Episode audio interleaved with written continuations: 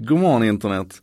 En sak idag ska naturligtvis handla om att Google stänger ner Google Plus, det sociala nätverket som man har kämpat med sedan 2011 och vad det betyder och sådär. Eh, men innan jag gör det så måste jag slå ett slag för en sak idag som podd. Eh, överallt där ni lyssnar på poddar kan ni söka på en sak idag och få upp det här som podd också. Då får ni i och för sig inte se det men ni kan i alla fall lyssna på det och jag skulle säga att det är minst lika bra med tanke på att jag ofta spelar in det här tidigt på morgnarna. Ett av skälen till att jag puffar för det nu det är att Elsa Dunkels inslaget i fredags har fått över 330 delningar. Och det är många nya som hänger på En sak idag nu. Det är jag jätteglad för men jag vill att ni ska veta att En sak idag finns verkligen överallt. Och ni som redan lyssnar på podden, ni kanske skulle vilja skriva en recension och ge lite, lite betyg. Jag hade verkligen uppskattat det. Anyway. Nu blir det känt att Google slänger, stänger, slänger, slänger och stänger, stänger och slänger Google Plus. Det här sociala nätverket som jag kan tänka mig att många av er kanske faktiskt inte alls känner till vid det här laget. För ända sedan 2011 när det introducerades så har det fört en ganska tynande tillvaro. Det blev aldrig en jättehit. Ehm, och vi kan börja med att konstatera bara att Google är ju smarta PR-människor in i det sista. Så att nedstängningen av Google Plus nu den följer ju på det faktum av att man eh, tvingades erkänna att man hade en, eh, en ganska graverande säkerhetsläcka som man fixade och täppte till och grävde ner under mattan redan i mars i år. Och samtidigt som det blir känt med den här läckan då så berättar Google nu att man stänger Google Plus. Så det är naturligtvis för att försöka distrahera diskussionen runt deras tabbar. Vi skulle kunna prata en hel en sak idag om deras, om deras sätt att hantera den här dataläckan. Jag kan bara säga att det är inte snyggt. Det är inte snyggt.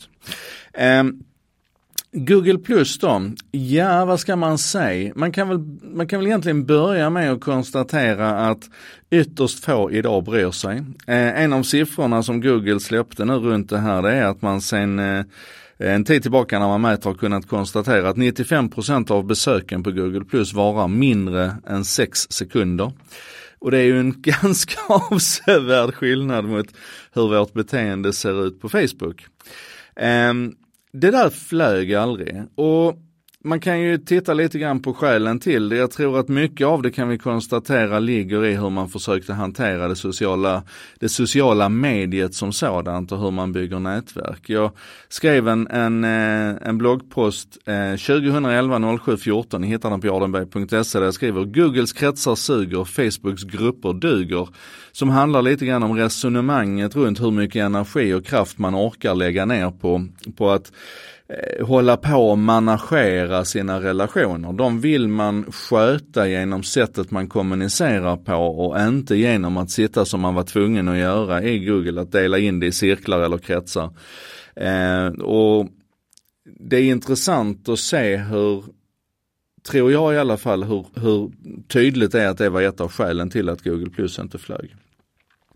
Um, man kan också koppla det till, jag hittade en annan artikel från Svenska Dagbladet där jag och Sofia Miriamsdotter och Nicke Linkvist precis vid lanseringen fick uttala oss om Google Plus och vi gav Google ganska höga betyg för det vi kunde se just då men allihopa var ju övertygade om att om ett socialt nätverk ska flyga så behövs det människor här och det är inte helt säkert att det kommer att lyckas. Jag är också lite, lite glad över att jag prickade in betydelsen av bilder. För en av de saker som Google Plus gjorde oerhört snyggt på den tiden, det var att alla bilder som ens vänner laddade upp hamnade i ett och samma flöde. Och det känner vi kanske igen ifrån från Instagram, eller hur? Um, och en annan sak som vi, som vi känner igen ifrån Instagram det är ju just det här med enkelheten runt hur vi hanterar våra relationer. På Instagram har du egentligen två val att göra. Antingen så är du öppen eller så är du stängd. Och, och allting som du postar då kommer antingen att postas öppet eller postas bara för de vänner som du har valt att släppa in. En enkel on-off switch. Som sen i sin tur leder då till att väldigt många idag som är aktiva instagrammare har två konto istället. De har ett öppet konto och ett stängt konto. Men då har det i alla fall varit de som har valt att göra det jobbet och inte påtvingat som hos Google+. Men det jag tycker är den stora intressanta grejen här och det vi allihopa behöver fundera på tror jag. Det är att fast att Google som hyllas som ett av världens mest innovativa företag, som verkligen har plöjt ner pengar och resurser och och verkligen gjort allt man har kunnat för att integrera, åtminstone i omgångar, integrera Google Plus in i sina andra tjänster. Så, eh, så gick det inte, de fick inte ihop det. Trots att de äger våra eyeballs. Det finns, alltså även om vi pratar mycket om Facebook så har Google en ännu större position där vi varje dag går till dem för att googla någonting. Och ändå så lyckades de inte med detta. Och det behöver vi kika på. Vi behöver fundera på vad det är tjänster som Facebook och WhatsApp och, och Instagram och WeChat i Asien och sådär. Vad det är de har gjort rätt när de har lyckats få det här eh, sociala nätverket på plats. När de har lyckats bygga på relationer när Google än en gång har visat att, att man inte är företaget som lyckas med det. Och det intressanta är kanske också att gå tillbaka och titta på alla de andra tjänsterna som Google har lagt ner. Google Wave, Google Buzz, Google Read och Google Video uppenbart eftersom det blev YouTube. Men att ska man säga, vi tittar ofta på de nya tjänsterna som startar och lägger ganska stort fokus på det. Jag tror vi hade varit väldigt betjänta av att vara lite retrospektiva här också. Kanske till och med gå igenom Googles lista av nedlagda företag och tjänster och titta på varför misslyckades de? Och så lär vi av det. Som jag brukar säga, antingen så lyckas vi eller så lär vi oss. Jag kan också tipsa här om att eh, i gruppen En sak idag, den eh, En sak idag-gruppen, sök på hashtag En sak idag bland grupper på Facebook så hittar du den. Så ligger där en tråd där vi diskuterar just det här med eh, våra minnen ifrån Google Plus men också vilka tjänster som vi saknar idag som har blivit nedlagda. Och, och min röst där den går till Jaiko.